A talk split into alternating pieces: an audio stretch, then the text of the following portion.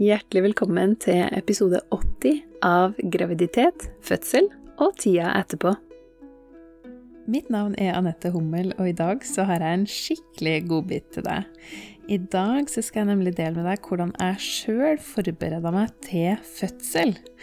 Eh, fordi jeg som doula trenger også å forberede meg til fødsel. Det er ikke sånn at alt kommer gratis til meg fordi at jeg er doula og har en del kunnskap fra før.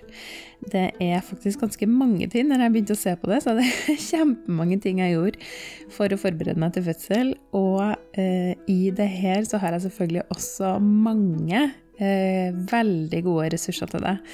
Eh, så enten så bør du sitte klar med penna, eller enda enklere er jo bare å vente og eh, og så lese alt sammen i episodeteksten, for der står selvfølgelig alle ressursene jeg nevner i denne episoden.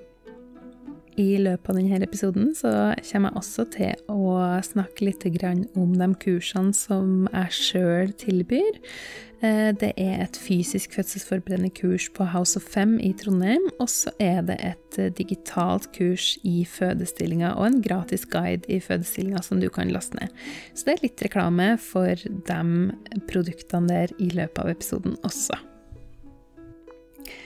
Så Um, som du kanskje vet, så tok det ganske lang tid for meg å få barn, for meg og mannen min å få barn. Så jeg har jo hatt veldig god tid på meg til å forberede meg til fødsel. Jeg bruker å si noen ganger at det var jo, det var jo et nesten seks år langt svangerskap, det her. Um, og da har man jo veldig god tid på seg til å forberede seg til fødsel. Hvis du har lyst til å høre mer om um, min fruktbarhetshistorie og hvordan det gikk for seg, hvordan de nesten seks årene gikk for seg, så forteller jeg om det i episode 50 og 51 av eh, podkasten. For det er ikke det jeg skal snakke om i dag, det er jo sjølve fødselsforberedelsen. Uh, så det første jeg har lyst til å snakke litt om, er det med doula. Fordi jeg er jo doula sjøl, eh, men likevel så er noe av det viktigste jeg gjorde som fødselsforberedelse, det var å skaffe meg en doula.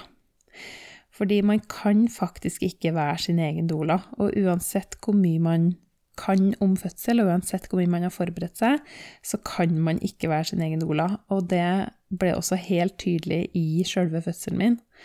Um, og grunnen til det, at man ikke kan være sin egen doula, eller det har egentlig mange grunner, men en av grunnene da, i sjølve fødselen, det er at du, når du føder, så skal helst den delen av hjernen din som er tenkehjernen, den logiske delen av hjernen, den skal helst være avslått, den skal ikke være aktiv. Og den delen som er aktiv, er den, den primitive, dyriske delen av hjernen din. Så da jeg var i fødsel, og ting stoppa litt opp, så var jeg liksom veldig i fødebobla mi og var liksom i det dyriske. Og jeg ble litt frustrert fordi at jeg på en måte kjente at åh, det her tar tid, det tar tid. Og jeg kjenner at det på en måte ikke helt skjer det jeg vil at skal skje, da.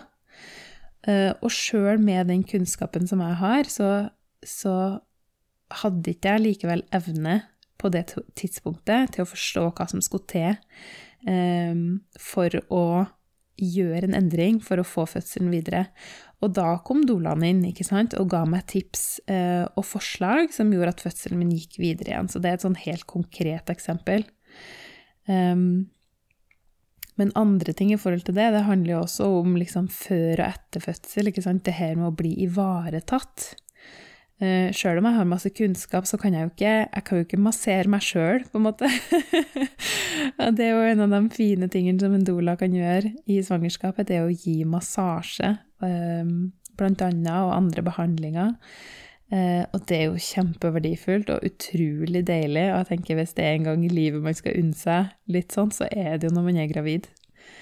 Um, så det er det. Og så er det etter fødsel, Eh, så var det jo liksom det at det kom noen eh, som faktisk hadde vært til stede på fødselen min, som som jeg kunne snakke med, og som visste hva jeg snakka om. ikke sant? Som jeg kunne stille spørsmål, som jeg kunne på en måte si ja, hvordan, hvordan var det for deg, hvordan opplevde du? ikke sant? For jeg, jeg var i denne situasjonen, hva observerte du? ikke sant? Eh, og som vi kunne liksom eh, snakke med om fødselen, som faktisk hadde vært til stede. Og vi hadde mange samtaler om fødselen i dagene etterpå. Og det var så viktig, og det var så verdifullt for meg. Eh, og for oss begge to, egentlig, også for mannen min. Um, så det, og rett og slett den der ivaretakelsen, ikke sant eh, Hun kom jo hjem til oss i dagene etter fødsel flere ganger. Jeg husker ikke hvor mange ganger hun var hjemme hos oss, men sikkert fire-fem ganger. Um, og gjorde sånne ting som Altså blant annet så knøt hun Reboser-sjal rundt, rundt, hoftene mine, um, fordi at jeg hadde så, jeg hadde så innmari bekkensmerter etter, etter fødselen. Og det var jo helt magisk. Um, og hun hjelpa til med liksom, Hun varma opp mat til oss den første dagen og, uh, og ga oss litt sånn tips og, og var bare en sånn veldig god, behagelig tilstedeværelse. Eh, nå skal ikke denne episoden her handle om doula, altså.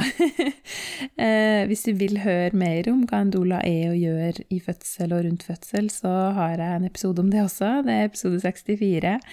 Episoden har, nei, Podkasten har liksom eksistert så lenge at jeg føler at jeg nesten har en episode om alt mulig. så jeg, jeg, kommer til å nevne flere episoder nå i løpet av, uh, i løpet av denne episoden her. Uh, så de kan jo gå tilbake og høre hvis du vil høre mer om spesielle tema som jeg er inne på. Men det å eh, skaffe meg en doula til fødselen min, det vil jeg absolutt si at det var en av de viktigste forberedelsene jeg gjorde. Eh, og så er det en annen litt sånn interessant greie som folk kanskje blir litt overraska over, og det er det her med fødselsforberedende kurs. Eh, fordi at jeg har jo masse erfaring og eh, kunnskap om fødsel, og likevel så valgte jeg å gå på fødselsforberedende kurs, faktisk to forskjellige fødselsforberedende kurs. Um, og det er av flere grunner. Det ene var at jeg hadde veldig lyst til å, um, til å lære meg en ny metode um, som jeg kunne ta med meg inn i fødsel. Det var det ene. Og det andre var rett og slett fordi at jeg hadde lyst til å gå på et kurs sammen med mannen min. Jeg hadde lyst til at vi skulle forberede oss sammen.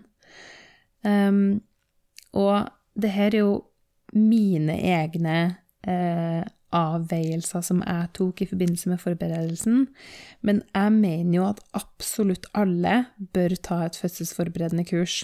Ehm, jeg tenker at det er kjempe, kjempe, kjempeviktig. Uh, og det er så mye mer verdifullt enn det man egentlig på forhånd kan forestille seg at det er. Um, avhengig av hva slags kurs du tar, så er det jo forskjellige ting man lærer.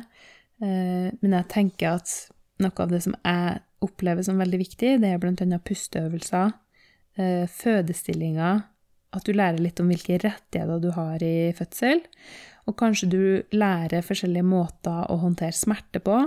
Kanskje du lærer eh, Kanskje du lærer visualiseringsteknikker som kan være kjempeverdifulle i fødsel. Og ikke minst, kanskje du lærer litt om Kanskje dere lærer litt om hvordan partner kan være en best mulig støtte for deg i fødsel. Og det er så verdifullt og så viktig. Um, de kursene som jeg gikk på, det var eh, smertefri fødsel-kurset til Mamma Stork. Det tok vi eh, på nett.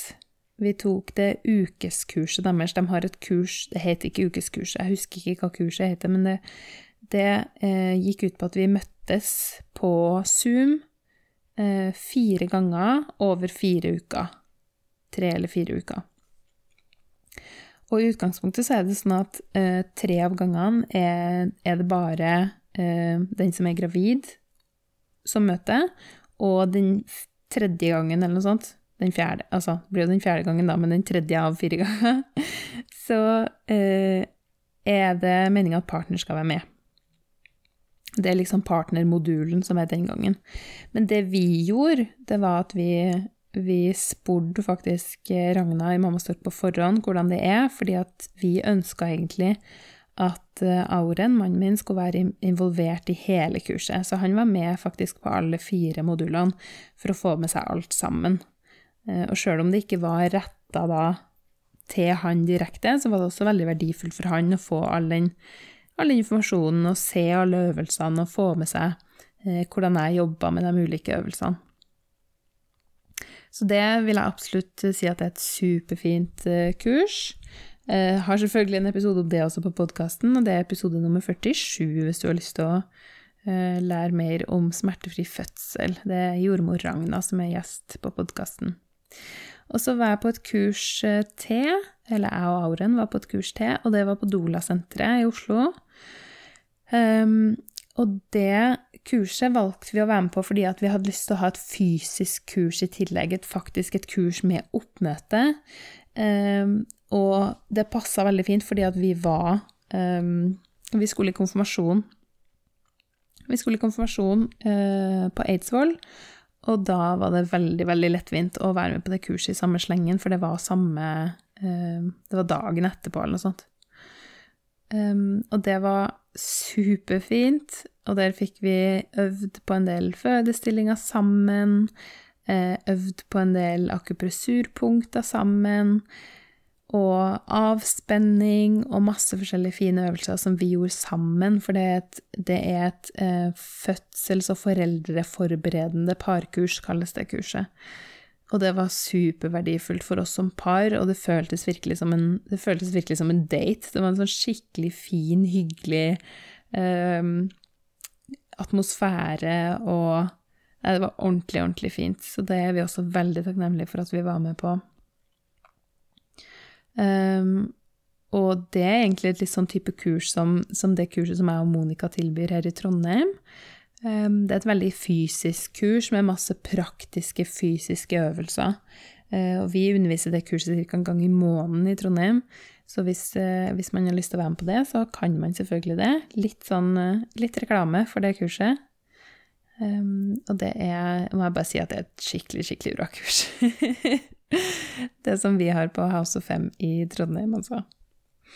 Og så um, var vi også med på et ammeforberedende kurs, amme- og barselforberedende kurs, med ammeveileder Odola Monica Christoffersen Skog, uh, som er femme ammeveileder Odola på Instagram.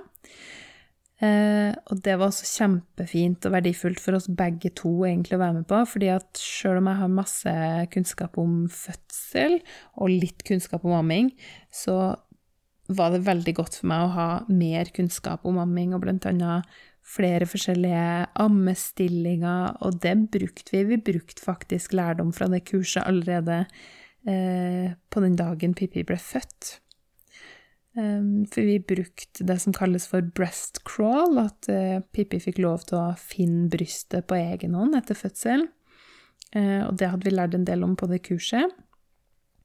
Og i tillegg så I tillegg så prøvde vi litt ulike fødestillinger fordi at jeg hadde smerter i det ene brystet ved amming. Og amming var jo utfordrende for oss Eh, en god stund, sjøl om vi fikk veldig, veldig god eh, ammeveiledning og ammehjelp fra annet Monica. Um, så var amming Det tok litt tid før vi fikk helt teken på amminga, og det hadde delvis også med en um, Rett og slett en, en, fysisk utfordring å gjøre. Det var det ene brystet som, som, var smertefullt, og da prøvde vi forskjellige ammestillinger som vi hadde lært på det dette ammeforberedende kurset. Um, hvis du vil vite mer om ammeforberedelse, så snakker jeg og Monica om det i episode 35 på podkasten. Og så må jeg jo snakke om bøker. Uh, jeg har lest en god del uh, sånne ja, gravidbøker opp igjennom, men du skal få høre liksom mine, mine favoritter, egentlig, å lese. Uh, og min aller, aller største favoritt, må jeg si, er Ina Mays Guide to Childbirth, heter den, av Ina May Gaskin. Og den er bare så Den er bare så utrolig nydelig. Første halvdel av boka er bare eh, fødselshistorier. Masse, masse positive, nydelige fødselshistorier. Og andre halvdel av boka forklarer eh, hvorfor de her fødslene eh, i første del av boka gikk sånn som de gikk. Så det forklarer en del eh, mekanismer rett og slett i kroppen, og snakke om hva det er som skal til for å få en god fødselsopplevelse. Da. Så hva kvinner trenger i fødsel, og da snakker vi både liksom fysisk og det mentale og emosjonelle behovet. Og det er så utrolig Altså, den er så utrolig fin, den boka, da. Og så er den så um, Altså, den er så grundig. Jeg tenker på en måte, hvis du skal lese ei bok, hvis du er gravid og skal lese bare ei bok, så anbefaler jeg den. Aina May's Guide to Childbirth. Den er helt nydelig. Um, og så vil jeg anbefale en bok som heter The Birth Partner. Um, og den syns jeg er så innmari fin fordi at den går liksom på hvordan man kan være en god fødepartner. Så det er en kjempefin bok for partner å lese, men jeg syns òg det var veldig fint å lese den boka for meg sjøl i fødsel, fordi den gir så masse god informasjon om liksom, de ulike fasene i fødsel, og, um, og hva, man kan, hva man kan føle, og hva man kan tenke i de ulike fasene, og at det er helt normalt. Uh, og hvordan partner best kan støtte deg i de ulike fasene i fødselen. Det er masse fine fødestillinger. Og virkelig skikkelig, skikkelig, skikkelig fin bok, altså. Uh, og så må jeg jo bare nevne en bok som heter Give Birth Like a Feminist, som er bare en helt sånn Jeg føler at det er en sånn uh, Ja, hva skal jeg kalle det? En sånn mind-blowing bok, rett og slett. Som bare uh, Som bare minner deg virkelig på liksom at det er det er din fødsel, det er din kropp, det er din baby, og det er faktisk du som bestemmer. Det er faktisk du som skal føde, og det er du som bestemmer hvordan du skal ha det. Og det er en skikkelig Altså, man kan vite det, at det er sånn, og man kan vite det, at det er sånn. Og når du har lest den boka, så vet du at det er sånn. at det er din kropp, din baby, din fødsel, ditt valg. Um, så det er virkelig en bok jeg anbefaler hvis du har lyst til å ja, kjenn litt på det, da. Kjenn litt på liksom denne styrken. Styrken som du som gravid og du som fødekvinne har. Uh, så er det 'Give Birth Like a Feminist' som er, som er din bok. Uh, så det var de bøkene jeg hadde lyst til å anbefale. Og så uh, er det litt sånn ting som jeg gjorde som ikke liksom er ressurser, men som er ting som jeg gjorde. Og det ene er å skrive fødebrev og barselbrev. Jeg brukte ganske god tid på å skrive fødebrev og barselbrev, forberedte meg godt, skrev ned punkter etter hvert som jeg kom på dem i løpet av svangerskapet mitt. Eh, og så satte meg ned og faktisk skrev det som brev. Og jeg snakker mye mer utvida om det i episode 72, eh, men bare Altså, det, det, er mange som på en måte kjenner litt på det. Ja, men er det noen vits å skrive fødebrev? Da blir det lest, og um, er ikke det liksom At man føler at en del av de punktene man, man, lyst, man har lyst til å ha med i et fødebrev, at det føles på en måte som at Ja, men jeg, skjønner de ikke det, liksom? Det er jo ganske åpenbart. Men nei, det er ikke nødvendigvis åpenbart, så jeg anbefaler virkelig alle å skrive fødebrev. Og hvis du vil, også et barselbrev. Jeg syns jo det er veldig verdifullt.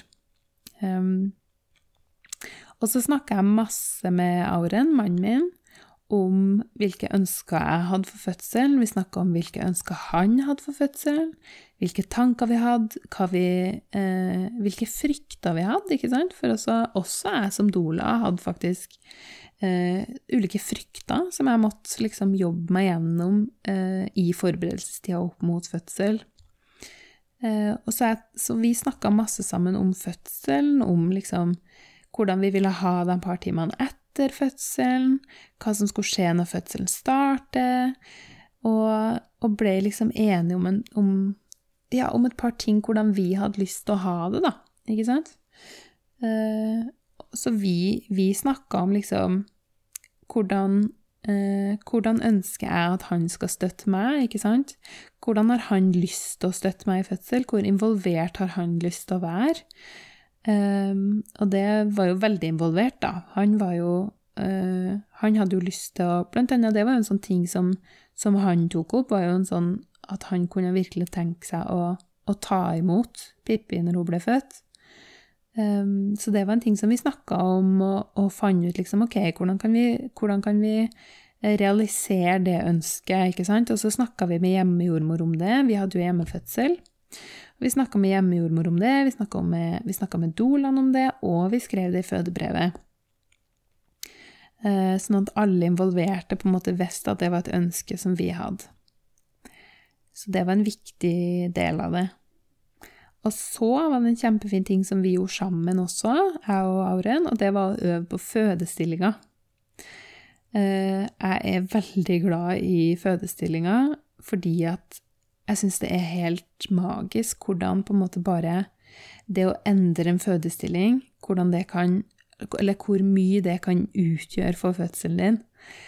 Eh, og hvor enormt stor forskjell Altså hvis man tenker på eh, faktisk liggende på ryggen, eller sånn semisittende liggende på ryggen, eh, som man gjerne ser på film, ikke sant Gjennomsnittlig så, så er bekkenet da 20% mindre enn hva det er hvis du er i en mer oppreist stilling, som f.eks. på alle fire. 20% utgjør kjempemasse når du skal føde en baby.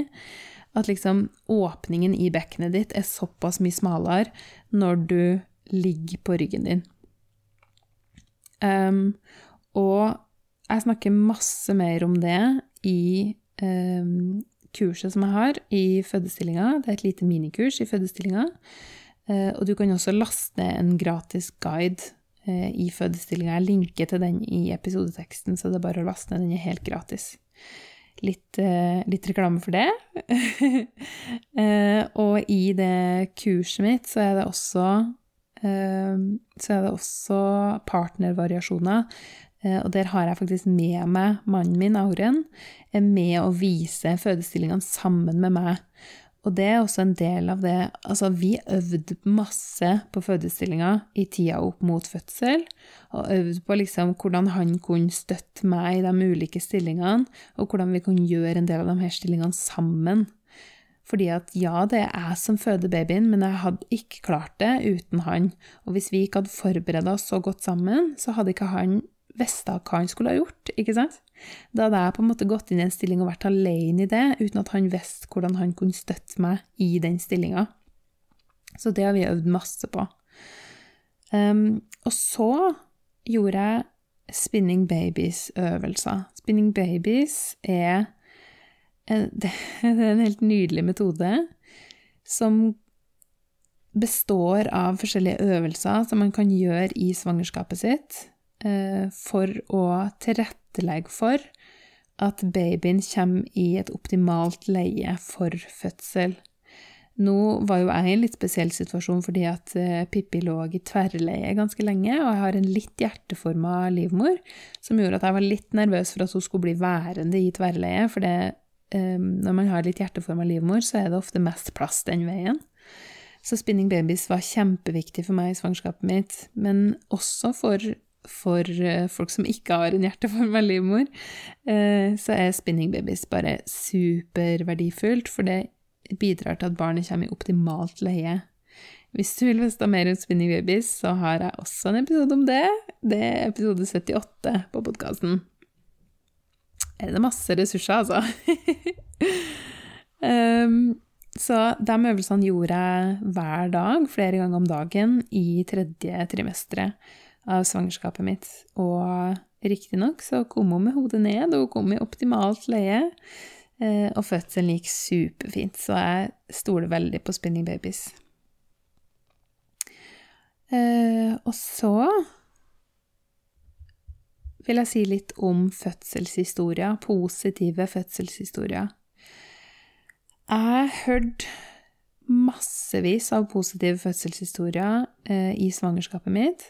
Og for å være helt ærlig så har jeg begynt med å høre og lese positive fødselshistorier for flere år siden. Jo, jeg har jo som sagt hatt et nesten seks år langt svangerskap. Så jeg starta med å høre på positive fødselshistorier for flere år siden. Um, og positive fødselshistorier, det gjør noe med oss.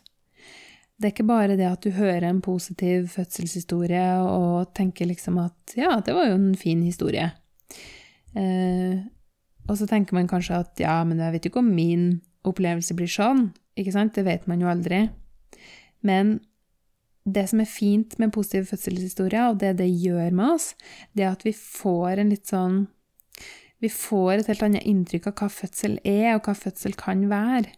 Så hvis vi omringer oss med positive fødselshistorier, så begynner vi å tenke og begynner vi å tro at fødsel kan være en fin ting. Da. Fødsel kan være en god, fin opplevelse.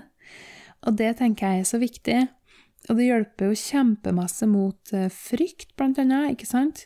Frykt er jo fienden til, til fødehormonene. Så vi, vi, har lyst til å ha minst mulig frykt, og så har vi lyst til å ha mest mulig glede, oksytocin, kjærlighet, ikke sant, spenning. Det vil vi ha masse av. Og når du har hørt og lest masse positive fødselshistorier, så er det på en måte de følelsene og de tankene som kommer først. Så når fødselen starter, eller når du tenker på fødselen din, så, så får du liksom masse gledeshormon, i stedet for at du tenker på fødselen din og blir redd, ikke sant?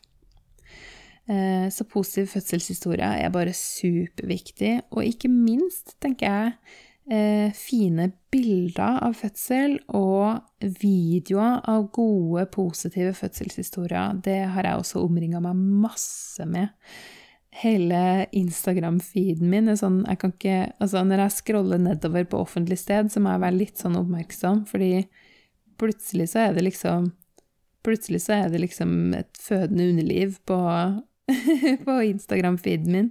Det er ganske grafiske bilder eh, og ganske grafiske videoer. Men det er egentlig bare fint, fordi at det har gjort at jeg stoler på at kroppen min er i stand til å føde, ikke sant?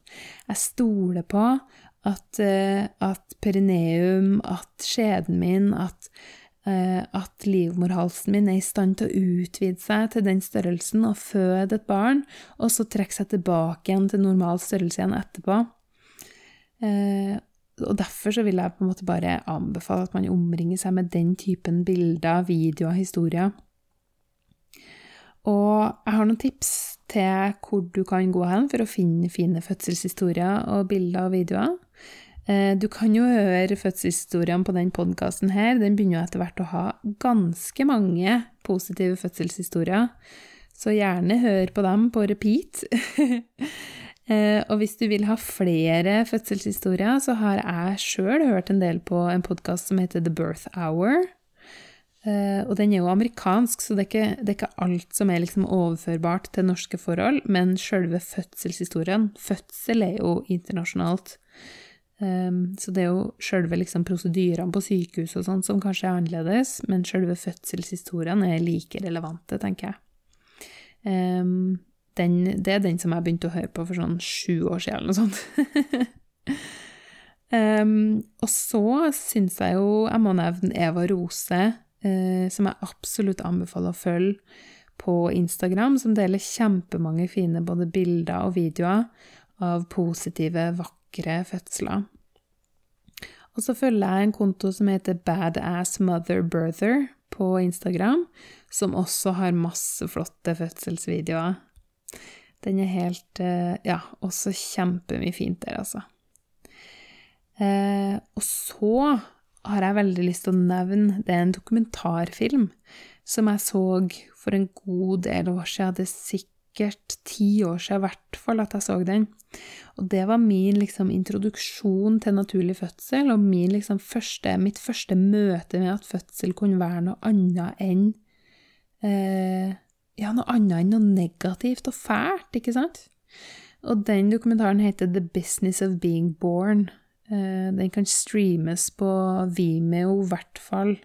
Det er der jeg har kjøpt den nå i nyere tid. Eh, jeg husker ikke hvor jeg så den for, for ti år siden. Kanskje jeg lånte en DVD eller noe sånt. Det kan godt være. Um,